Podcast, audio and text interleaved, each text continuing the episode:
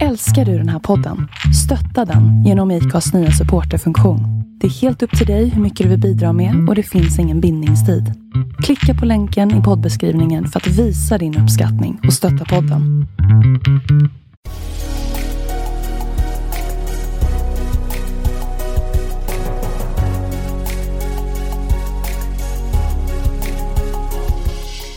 Välkomna till podden Vart är vi på väg? Med mig Jon Skoglund. Och med mig Jonathan Mellblom.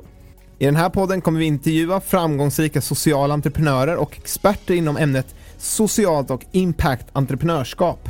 Vi ger dig som lyssnare de bästa tipsen och den bästa inspirationen för hur man genom innovativa och entreprenöriella metoder kan hitta lösningar på samhällsutmaningar. Häng med!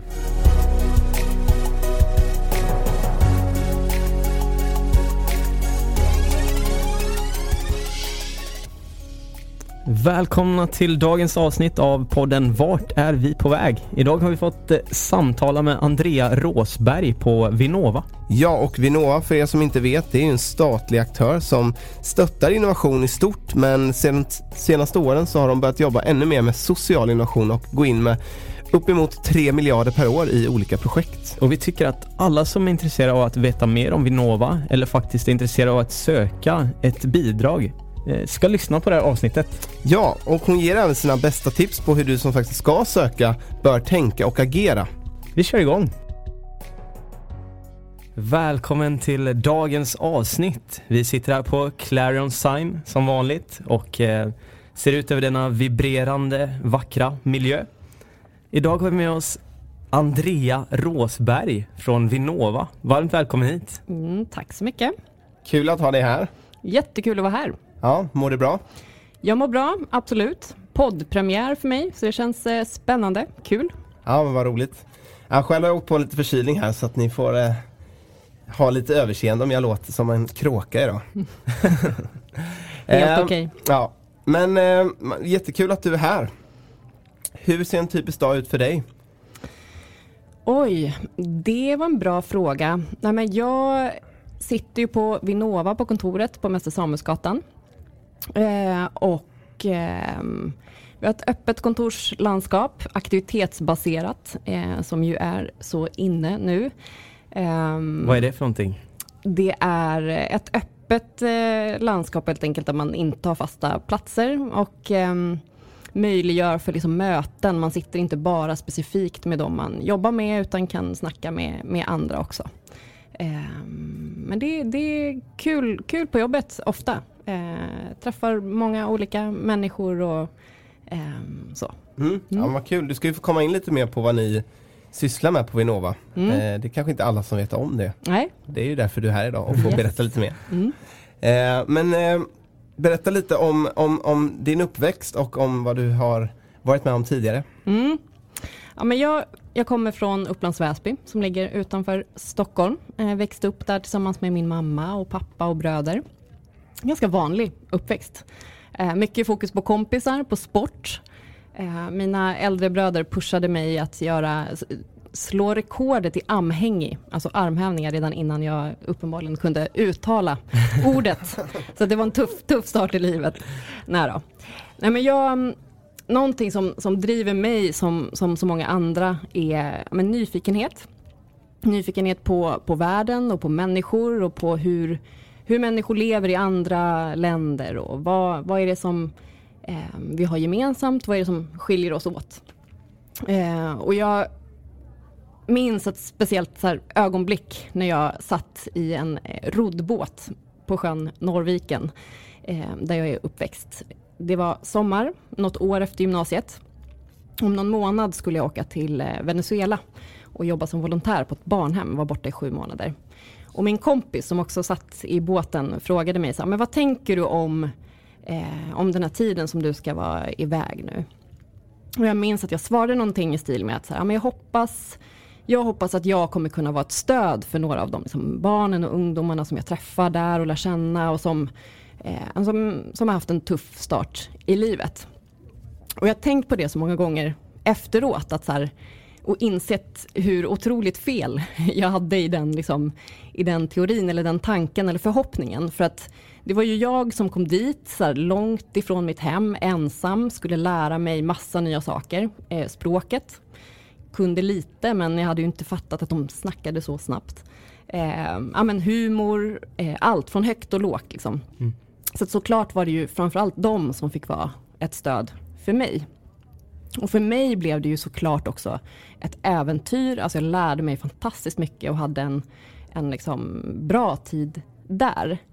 Eh, och det är klart att det också var ett utbyte. Så. Eh, och jag har varit tillbaka där flera gånger efter det. Och eh, faktiskt ungefär fem år efter att jag åkte dit första gången så fick några av de ungdomarna möjlighet att komma till Sverige.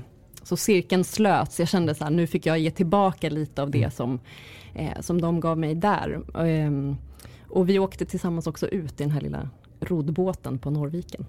Ehm, men jag gissar att det jag vill säga med det är så här att det är lätt att tänka att vi som är från Sverige, vi ligger i framkant på så många områden. Vi har så mycket att ge. Och det har vi ju också. Vi ligger liksom i framkant, inte minst vad gäller så här, ja, men jämställdhet, välfärd. Eh, toppas ju högst i så här, innovationsrankingar ofta och så. Eh, men vi måste komma ihåg att också så här, fortsätta vara nyfikna och lära oss av andra. Om vi vill fortsätta vara med. Liksom. Hur gammal var du när du åkte till Venezuela? Ja, men jag var nog runt 20 första gången. Så det var typ direkt efter gymnasiet? Ja, jag gick eh, ett folkhögskoleår först i Sverige och sen åkte jag dit. Hur skulle du se på din uppväxt, att den har format dig till att vilja göra de här resorna? Och så där? Är det någonting tidigt där du kunde se att du har le- letts in på det här? Jag vet faktiskt inte riktigt. Jag kan nog inte se något sånt tydligt. Eh, så här, det var det som gjorde det. Utan det var nog mer den här nyfikenheten. Jag har liksom inte varit speciellt engagerad i min uppväxt. Alltså inte en av dem som alltid var med i elevkåren och liksom försökte förändra orättvisorna på skolan och sådär. Utan det har kommit i, i efterhand. Till viss del var det nog faktiskt eh, min allra första liksom, långa resa utomlands som jag gjorde just med den här folkhögskolan. Då var vi i Tanzania tre månader. Eh, åkte dit med ett gäng svenskar, pluggade tillsammans med ett gäng tansaner och eh, besökte olika så här, skolor, eh, sjukhus, eh, byar och så vidare. Och för mig var det första mötet med människor som levde i fattigdom, alltså som hade helt andra förutsättningar i livet.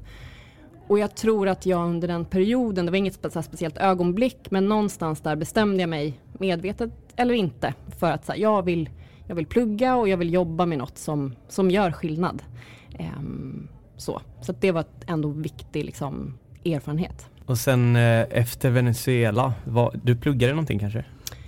Ja, precis. Jag ägnade ett antal år innan jag började plugga på universitetet till att just ja, men, resa, plugga, jobba utomlands, eh, delvis i Sverige också. Men sen valde jag att plugga statsvetenskap och mänskliga rättigheter. Mm.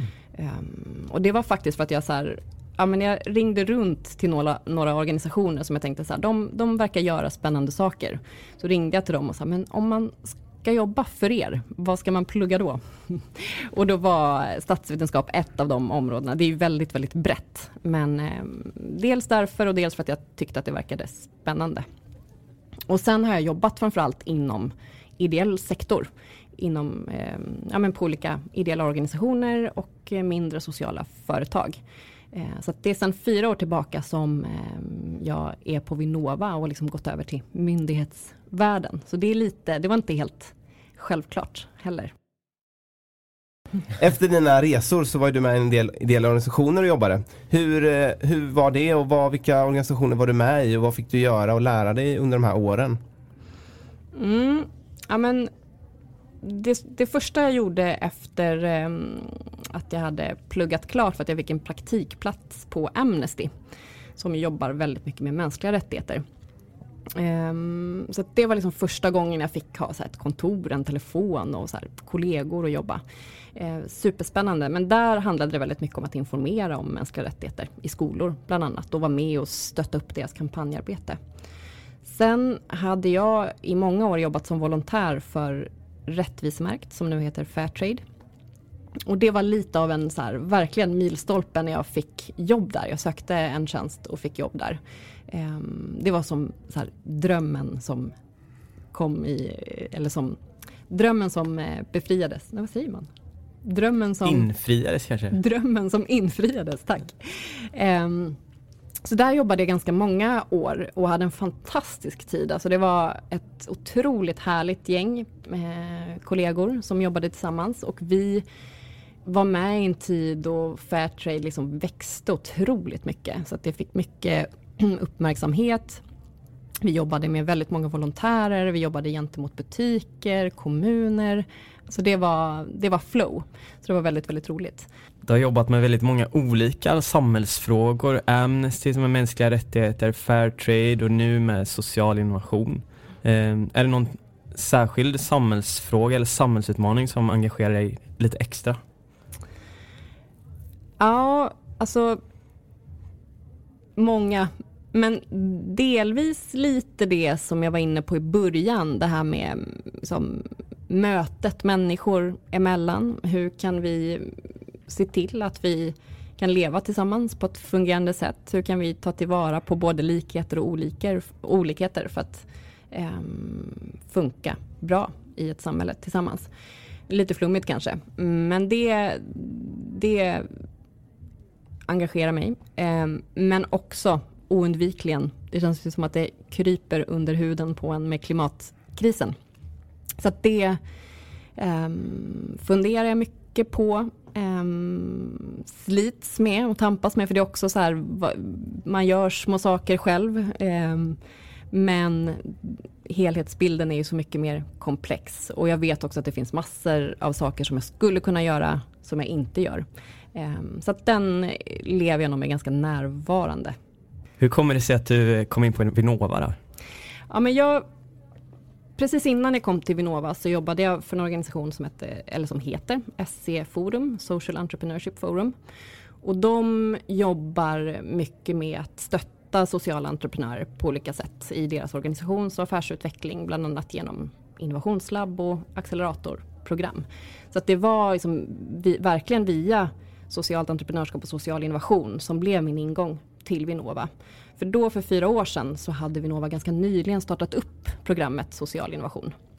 Jag kom in när vi hade haft ja, men precis öppnat den första utlysningen och lite chockat systemet och fått in så över 400 ansökningar.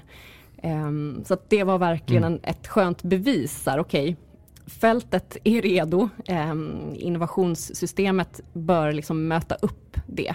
Så det var en, en sån viktig milstolpe. Och sen var jag då med tillsammans med andra och byggde upp programmet som ju nu har gått från att vara ett litet uppstickar liksom spetsprogram till att bli ett ja, men väletablerat program med en ordentlig budget och ett ordentligt team som jobbar med det och sådär. Mm. Så jättespännande resa.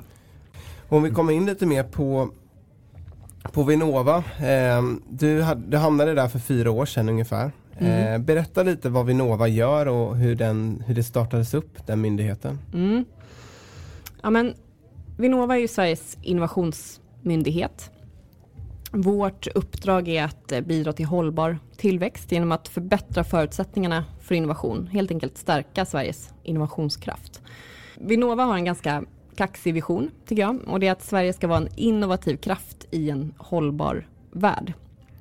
Vi svarar gentemot näringsdepartementet. Och vårt främsta uppdrag är just att finansiera olika typer av innovations och forskningsprojekt.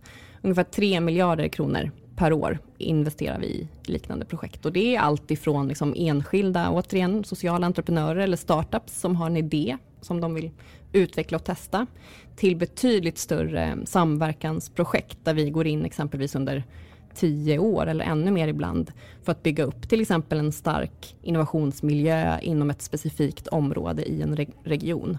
Och då är ju aktörskonstellationen bred. Eh, akademi tillsammans med näringsliv, offentliga aktörer och ibland ideella organisationer går ihop. Och allt däremellan så att erbjudandet är ganska brett. Och vi riktar ut det genom olika utlysningar som man får söka då. Då är det specifika krav i de olika utlysningarna som det gäller att ha koll på för att kunna söka.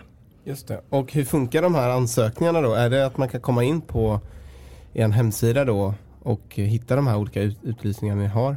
Ja, precis. Det är lite av en djungel, måste jag ändå säga. Men precis som du säger, när man kommer in på första sidan på vinnova.se så är alla aktuella och kommande utlysningar listade. Så då får man helt enkelt eh, ja, men, se och läsa vilken som kan tänkas passa. Eh, och så finns det också kontaktpersoner där som man kan kontakta lite mer om man är osäker. Är det här någonting för mig eller inte? Eh, så som social entreprenör så kan man ju rikta in sig då specifikt på utlysningarna inom programmet social innovation. Så då kan man söka på det också för att få liksom mer direkta träffar. Så har man hittat något eh, bidrag som man kanske tror att man eh, kan kvalificera sig för, eh, kan man då liksom kontakta er för att bolla innan man kanske lägger ner massa timmar på att skriva själva ansökan? Det kan man göra, absolut. Sen brukar det vara ganska högt tryck inför att en utlysning, all, framför allt när det kommer allt närmre deadline, när det stänger. Så att då det, kan det vara svårt att få tag på oss. Men absolut kan man göra det. Man kan också skicka ett mail för att bara så stämma av. Men det är ju, ja, vi försöker liksom anpassa erbjudandet, göra det så tydligt som möjligt. Sist hade vi en film ute så man kunde så här på några minuter bara få en uppfattning om vad det handlade om.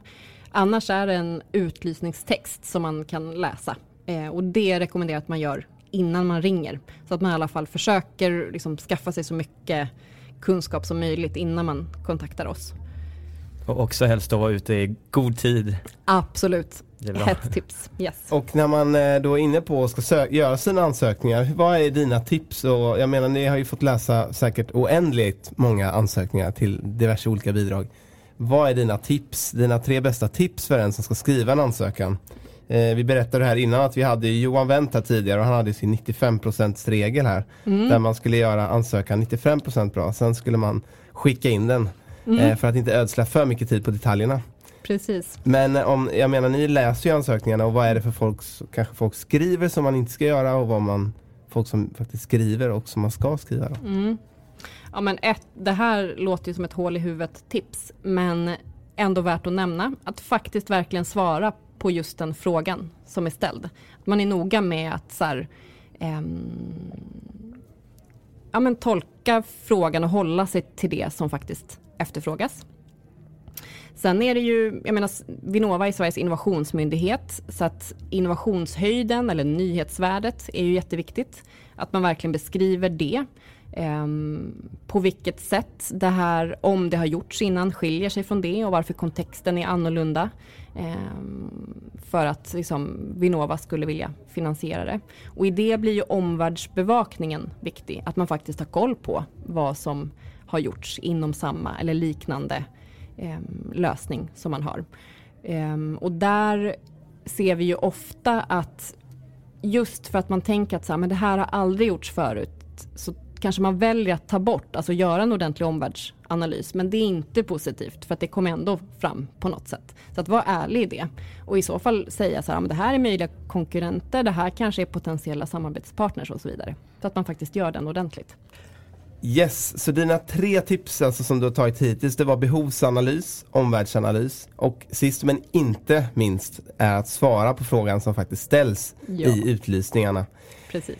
Men har du några andra generella tips som kan vara bra att tänka på som eh, entreprenör eller som eh, forskare eller vad man nu är som vill göra någonting inom det här ämnet? Ja, ja men en, ett tips är ju såklart, ja men ge inte upp. Fortsätt kämpa, fortsätt liksom eh, driv din fråga eh, med passion och liksom engagemang. Det kommer ju såklart bli motgångar. Det är inte lätt att verkligen driva igenom en idé eller ett företag och verkligen få hållbarhet i, eh, i verksamheten. Men fortsätt kämpa på och ge inte upp. Fortsätt stånga huvudet mot betongväggen. Men det andra tipset är att ehm, ja, men lyft blicken. Det är lätt tror jag när man som driven entreprenör har en idé eh, som man verkligen tror på och riktar sig såklart till sin målgrupp som man känner väldigt mycket för. Att snäva in lite väl mycket på det jag tror att vi har mycket att tjäna på att se systemet eh, och våga lyfta blicken och se vilka andra aktörer finns det som är verksamma inom området som påverkar eller påverkas av just den lösningen jag vill ta fram eller det problemet som jag vill angripa. Och att lite både så här, eh, men för att få till en systemförändring på riktigt, vilka andra behöver jag kanske både kroka arm med och göra andra saker tillsammans med för att vi ska bli starkare. Sen tror jag att det är mycket också man kommer hitta där som man själv inte kan göra. Men man kanske kan nudga någon annan att göra det. Alltså få till lite mer systemperspektiv i, eh, i lösningarna. Det tror jag är superviktigt. Precis, för att, att samarbeta mer än att, äh, än att gå sin egen väg. Jag mm. pratade med en annan person här för ett tag sedan just om den här äh, flyktingvågen som var 2015. Att mm. Det var väldigt många som skulle starta väldigt många olika projekt på en gång mm. och springa sina egna vägar. Eh, och istället då det är lätt att de rinner ut i sanden till slut. Mm. Eh, att det blir väldigt många bra, goda initiativ men det blir ingen långsiktighet i det. Nej, eh, men att också se, se samarbeten. Är det någonting som ni också hjälper till med med de som hör av sig till er eller då söker bidrag, att ni kopplar ihop parter? Ja, det försöker vi göra så gott vi kan. Jag tror absolut att vi skulle kunna göra mycket, mycket mer av det för att det behövs verkligen. Ehm, men dels har vi försökt lite i till exempel den här satsningen mot segregation, att vi liksom ville bjuda in och verkligen säkerställa att man hade med sig målgruppen, att man krokade arm med andra organisationer redan innan man kommer in med en ansökan. Så det är ett sätt. Sen så har vi, när vi väl har finansierat projekten, så bjuder vi in till programkonferenser som får träffa varandra och förhoppningsvis även där hitta så här, hur kan vi bli starkare tillsammans och så vidare. Så att lite sådana initiativ tar vi, men, men vi skulle kunna göra ännu mycket mer. Jag tycker det är bra det där med just med integrationen och det. Ni sa att ni hade försökt få med folk att, att samarbeta där och verkligen knyta an till målgruppen. Mm. Eh, hur, hur viktigt är det för er i en ansökan att man faktiskt har gjort den här uh, researchen och vet att det jag kommer med finns en förankring hos den jag vill erbjuda det till? Jätteviktigt. Det är väl lite en del av den här behovsanalysen och det har vi fokuserat ganska mycket på inom programmet social innovation, även inom andra satsningar på Vinnova också. Men det är väldigt viktigt för att liksom verifiera idén och lösningen på någon nivå. Är det ens relevant för de som ska använda det? Det blir ju också delvis en del i utvecklingen av lösningen. Men någon form av sån basnivå måste man ändå ha med sig in redan från början. Mm. Ja, men det är väldigt bra att veta. För det är lätt att man tar sin idé och, och kör på och stirrar sig blind i sin Exakt. lilla kupa. Precis. Ja. Kan alla söka det här så oavsett om det är ett jag vill starta ett aktiebolag och börja sälja en produkt som då är inom att man förändrar och gör något gott för samhället såklart men kan vem som helst söka pengarna då? Beroende på utlysning. Ja, precis. Vi, alla som är um, en juridisk person, alltså enskilda personer kan inte söka pengar. Eh, så att enskilda firmor eh, kan tyvärr inte söka.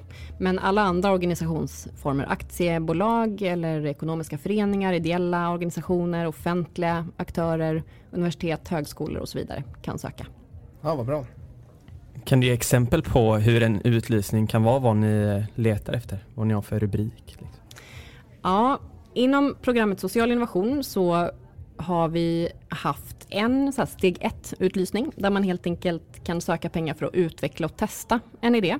Så ganska tidigt skede. Man ska såklart ha med sig någon form av behovsanalys in, alltså varför är det här ens relevant? Eh, men då kan man söka för 300 000 för 8-9 månader för att utveckla och testa. Sen bland de som har fått steg ett pengar kan man också söka ett steg två och då handlar det om att vidareutveckla men framför allt lägga fokuset på det som vi var inne på lite tidigare, alltså spridning. Eh, hur kan vi få så många som möjligt att ta del av den här lösningen? Så skalning och spridning. Och då är det under två år och en lite större peng. Sen har vi haft också en tematisk utlysning och det har varit lite beroende på, vi har försökt liksom hålla örat nära rälsen och se vad det är som rör sig. Så till exempel hade vi en utlysning kring innovation för säkrare migration i samband med flyktingvågen 2015. Vi har haft en utlysning kring ehm, innovationslabb mot segregation. Och då har det, kraven varit att man liksom går tillsammans med andra aktörer för att skapa lösningar eh, och förbättra situationen på olika sätt. Sen har vi sedan ett år tillbaka haft ett regeringsuppdrag och det har möjliggjort lite andra typer av satsningar. Så inte bara riktat liksom mot sociala entreprenörer nödvändigtvis utan även eh, lite andra satsningar. Till exempel så har vi haft en utlysning för innovationsfrämjare. Alltså intermediärer eller aktörer, till exempel inkubatorer eller andra organisationer som riktar sig i sin tur till sociala entreprenörer, alltså som jobbar med att stärka innovationssystemet för social innovation. Just sådana som hjälper till att få andra att starta eget. Och Precis. Har du något exempel på någon sån som har fått bidrag som folk kanske vet om eller? Ja, ja men till exempel SE Forum som jag nämnde tidigare. De har fått eh, stöd, SoPact eh, har fått stöd som eh, finns i Malmö.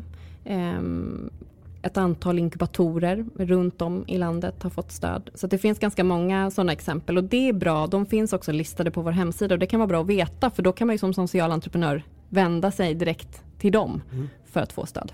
Kan du också ge några exempel på företag eller organisationer som har fått bidrag? Ja, Absolut. Ehm, jättemånga. Vi har ganska många. Det är nog så här rekord i antalet projekt som vi har i vår portfölj just nu.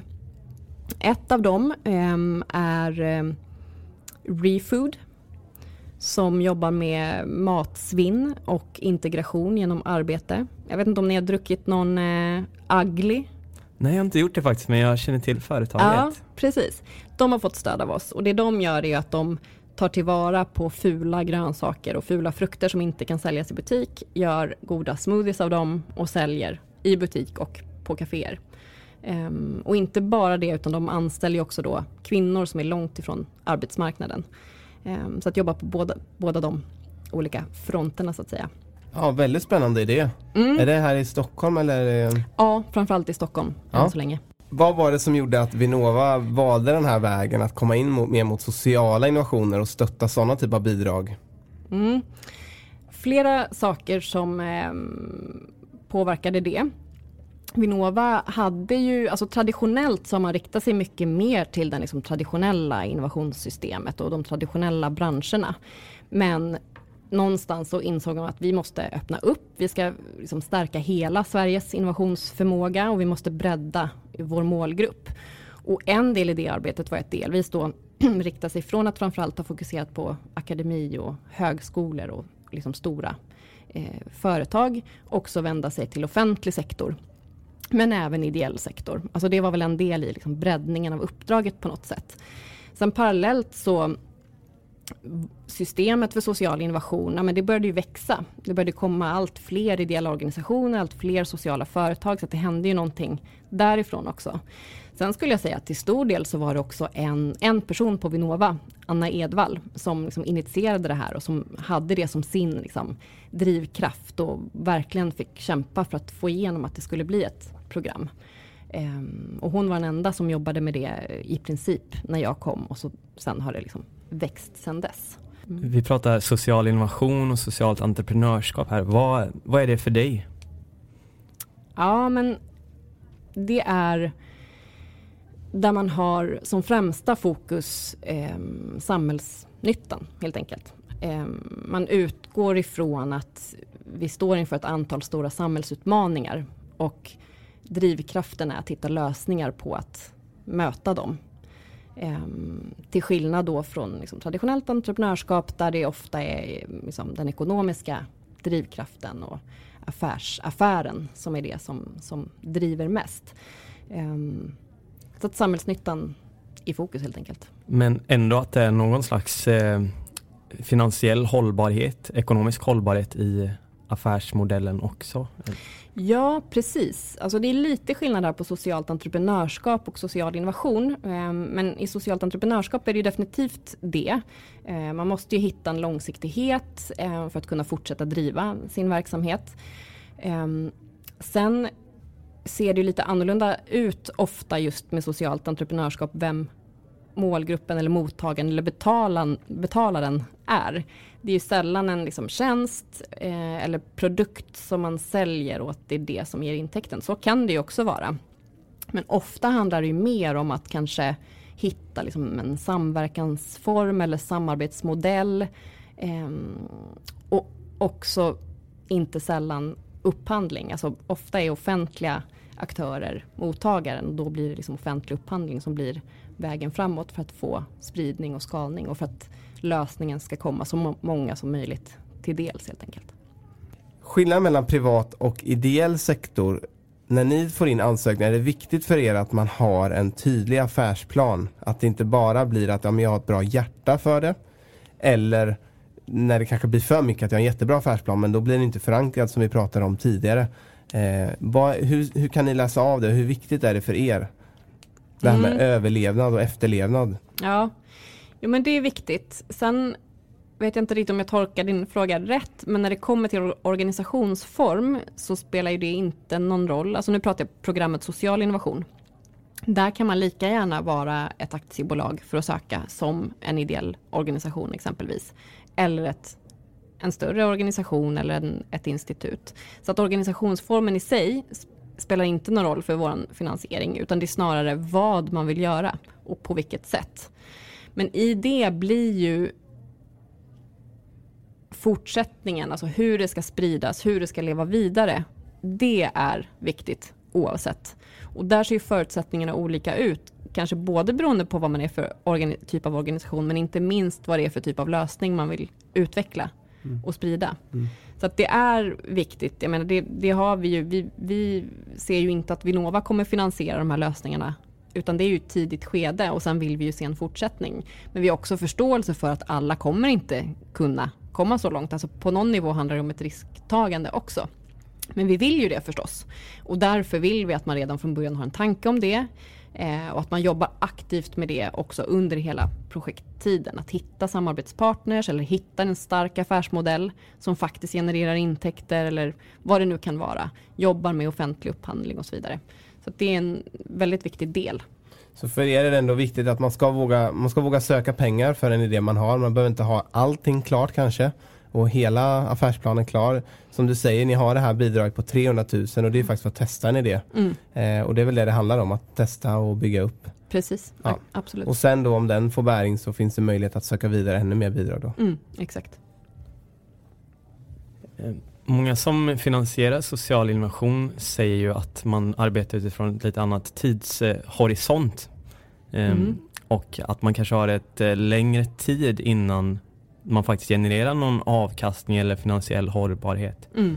Um, upplever ni, det som ett problem att uh, ni kan finansiera de här uppstartsprojekten men sen att kunna lämna över så att bolagen kanske kan hitta finansiering på annat sätt så att de inte dör när de blir av med ert stöd? Liksom. Mm. Ja men det är ju en stor utmaning ehm, och det är ju många andra branscher som också upplever att det är långa startsträckor innan man kan uppnå den här hållbarheten, inte bara inom just socialt entreprenörskap. Men, men absolut, det är en utmaning och där ehm, och jag menar, det, vi får ju ständigt frågor förstås, även på de projekten som vi har kanske finansierat i tre år. Ja, men hur kan vi fortsatt få stöd? För vi känner att vi inte riktigt är där. Så det är ju en, en viktig fråga att lösa. Um, och vi försöker göra så gott vi kan också genom att liksom, som sagt um, hitta både andra kanske utlysningar på Vinnova som kan ta vid. Men även andra sätt uh, för dem att, att ta sig hela vägen fram. Men det är klurigt. Mm. Hur ser du på världen framåt? Och det är en stora fråga. Vi brukar ställa den här frågan till våra gäster. Hur, hur man tror att världen är om tio år. Eh, men vad tror du? Den lilla frågan. Eh, ja, men jag är ju en obotlig optimist. Så jag tror ju att om tio år Ja, men dels så tror jag och hoppas verkligen att vi har lyckats göra den eh, nödvändiga omställningen för att vi inte ska utplåna oss själva från den här jorden sett till klimatkrisen. Jag tror att där finns ju mycket av de tekniska lösningarna men det handlar ju väldigt, väldigt mycket om andra omställningar som behöver få till. Att vi verkligen använder och implementerar de lösningarna.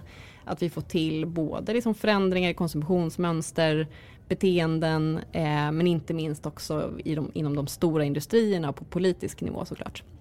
Men det tror jag. Men sen så tänker jag också lite så här eh, att det inte finns någon innovation som inte är en social innovation. Alltså jag tror att det allt mer kommer bli så att för att eh, ha ett existensberättigande så måste man se bortom sin egen vinning oavsett om man är en privat aktör, en ideell aktör eller en offentlig aktör. Alltså att på något sätt samhällsnyttan blir det som, som man måste relatera till och också på något sätt bidra till. På ett sätt kanske det känns så utopiskt men jag tror ändå inte det. Det är nog ändå ganska realistiskt. För vi ser ju ändå redan att det går i den riktningen. Att allt fler också stora företag verkligen exempelvis eh, på riktigt tänker på hållbarhet eh, och så vidare.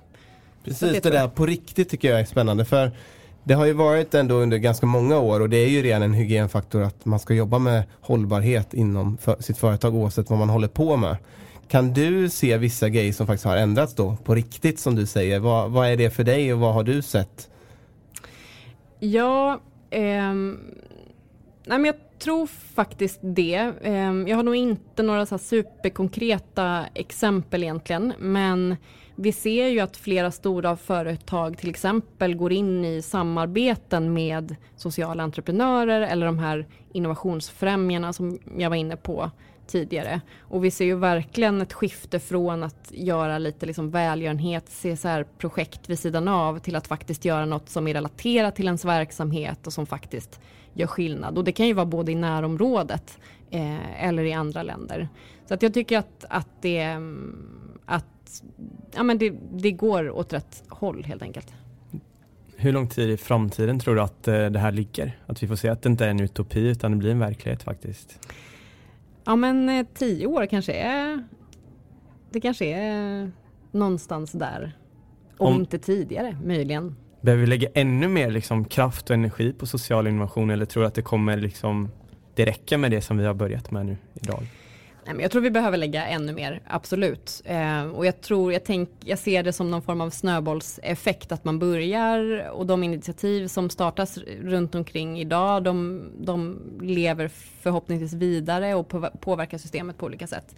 Jag tror ju verkligen att den innovationspotentialen som finns exempelvis inom den ideella sektorn den behövs ju inom den privata och den offentliga. Om vi kan på riktigt få till det så, så kommer vi långt. Ja det där tycker jag är spännande för det har ju väldigt klassiskt sett kan man ju se det att det är väldigt mycket ideellt. Du kommer ju från den bakgrunden själv. Mm. Vi har varit med i en del sådana organisationer själva.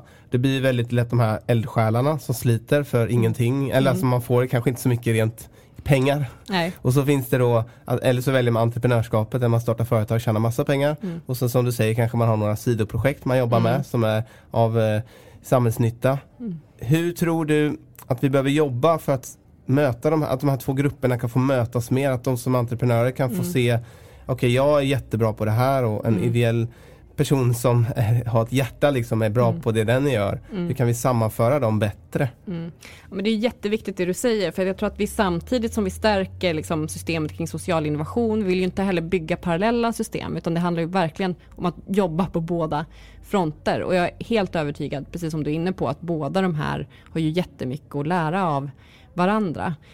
Jag tänker till exempel att den satsningen vi har gjort nu på intermediärer där faktiskt inkubatorer som riktar sig till vanliga företag också även breddar sin kunskap för att också kunna fånga in eh, företag och organisationer som jobbar med social innovation. Alltså att hitta gemensamma ytor och inte bara bygga parallella spår. Det är ju jätteviktigt.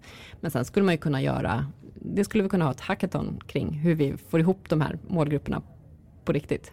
Har ni någon eh, erfarenhet från er verksamhet kring det här? Har ni haft workshops eller har ni jobbat med det här på något sätt? Nej, faktiskt inte. Um, men tack för tipset. ja, men vad bra. Alltid trevligt. Kunna bidra med något. Ja. Om vi kollar på um, vi är lite inne på framtidsspaningar här med dig Andrea. Mm, ja. Om vi kollar också på uh, vilken den största utmaningen som vi faktiskt står inför i vår värld idag. Vad, är, vad tycker du att det är? Mm. Ja, men det, för mig finns det bara ett svar på den frågan och det är klimatkrisen. Det är också känslan av att det är så bråttom. Eh, som... Tror du att sommaren i Sverige förra sommaren gjorde att eh, folk började få upp ögonen ännu mer för det här? Ja, men det tror jag faktiskt. Absolut. Vad ser du för bra initiativ som finns idag på, på just det här? Det finns ju väldigt många som jobbar med det. Mm. Ja, men ett jättebra initiativ tycker jag är det här stanna på marken initiativet som började med några personer och som nu har spridit sig till massor av olika länder. Och det som är så briljant med det tycker jag är att så här, ja men det är så klart att man känner att det spelar ingen roll om jag undviker en flygresa. Flygplanen går ändå eh, och så vidare. Och, och, och såklart också sett i jämförelse med liksom de stora industrierna och de stora liksom politiska reformerna som behöver komma till. Men det som är bra med den satsningen tycker jag är att, ja men okej, okay, om vi blir så här många, alltså om man sätter antal, om man sätter tydliga målsättningar, då blir det faktiskt, då påverkar det faktiskt på riktigt eh, flygindustrin. Så det tänker jag är, är, ett sånt bra, bra initiativ som faktiskt kan engagera och, och få lite den här känslan av att men det kanske okej, okay, spelar roll vad jag gör då. Jag tänkte komma mot sista frågorna här innan vi avslutar och ett socialt företag som du tror på, du har ju varit inne på några olika exempel här på bidrag ni har gått in i. Mm. Men har du något så här annat favorit eller någonting du tror på, antingen startsträckan eller något som kanske har gått jättebra hittills som folk kanske vet om, men, men vad är det du tror på framåt? Mm. Ja, men jag nämnde ju ReFood. Det är ju ett av dem som jag tror på just för att de har den här helhetsbilden med sig och också tänker väldigt mycket kring cirkularitet, eh, logistikfrågan också. Ett annat spännande företag är ProgressMe som jobbar med att stärka ungdomar som har eller har haft någon form av ätstörning. Jättespännande satsning som både jobbar med ett stöd till ungdomarna men också parallellt jobbar med en plattform som kan användas av den befintliga vården.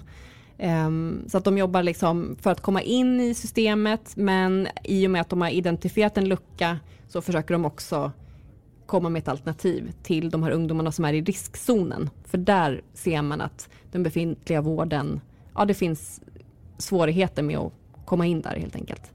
Så det, det är ett sånt spännande att hålla utkik efter. Det är inom tech då, så de har utformat någon typ av plattform där unga kan vända sig till? Precis. Ja, vad bra. Vem skulle du vilja se intervjuas i podden här framöver? Ja, men då får jag ju nämna Petronella Gustafsson som är VD för ProgressMe. Fantastiskt driven entreprenör eh, som själv har erfarenhet av frågan så att hon har väldigt mycket expertis och, och tyngd eh, i det hon gör. Det är mitt tips. Tack så mycket. Yes, vi har fått eh, ha ett fantastiskt avsnitt här idag tycker jag med dig Andrea. Och eh, vi hoppas att eh, entreprenörer där ute eller folk som är sugna på att starta igång med en social innovation eller andra innovationer för den delen, mm. kan få stöd av eh, Vinnova. Ja, vi tackar helt enkelt. Jättekul att ha dig här. Ja men superkul att vara här. Och Tusen kul tack. att få höra eran inblick i det här ämnet som vi vill lyfta i denna podd. Mm. Tack så mycket. Tack Tusen så mycket. Tack. Hej. Tack så mycket för att du har lyssnat på dagens avsnitt. Glöm inte bort att följa oss i sociala medier. Vi finns på Facebook, Instagram och LinkedIn och även vår hemsida vartarvipavag.org. Och om du har möjlighet får du jättegärna gå in och ratea våran podd på iTunes. Yes, och för dig som vill ta del av podden ytterligare så tycker jag att du ska gå in och signa upp dig för vårt nyhetsbrev där du varje vecka får en liten kort resumé av avsnittet men också de bästa tipsen och de bästa insikterna från gästen som vi har haft med oss. Eh, så om du har varit ute på språng och inte haft möjlighet att anteckna något så gör det ingenting utan du får det på ett mail veckovis. En riktigt bra deal helt enkelt. Så se till att signa upp dig så fort som möjligt så ses vi nästa vecka igen.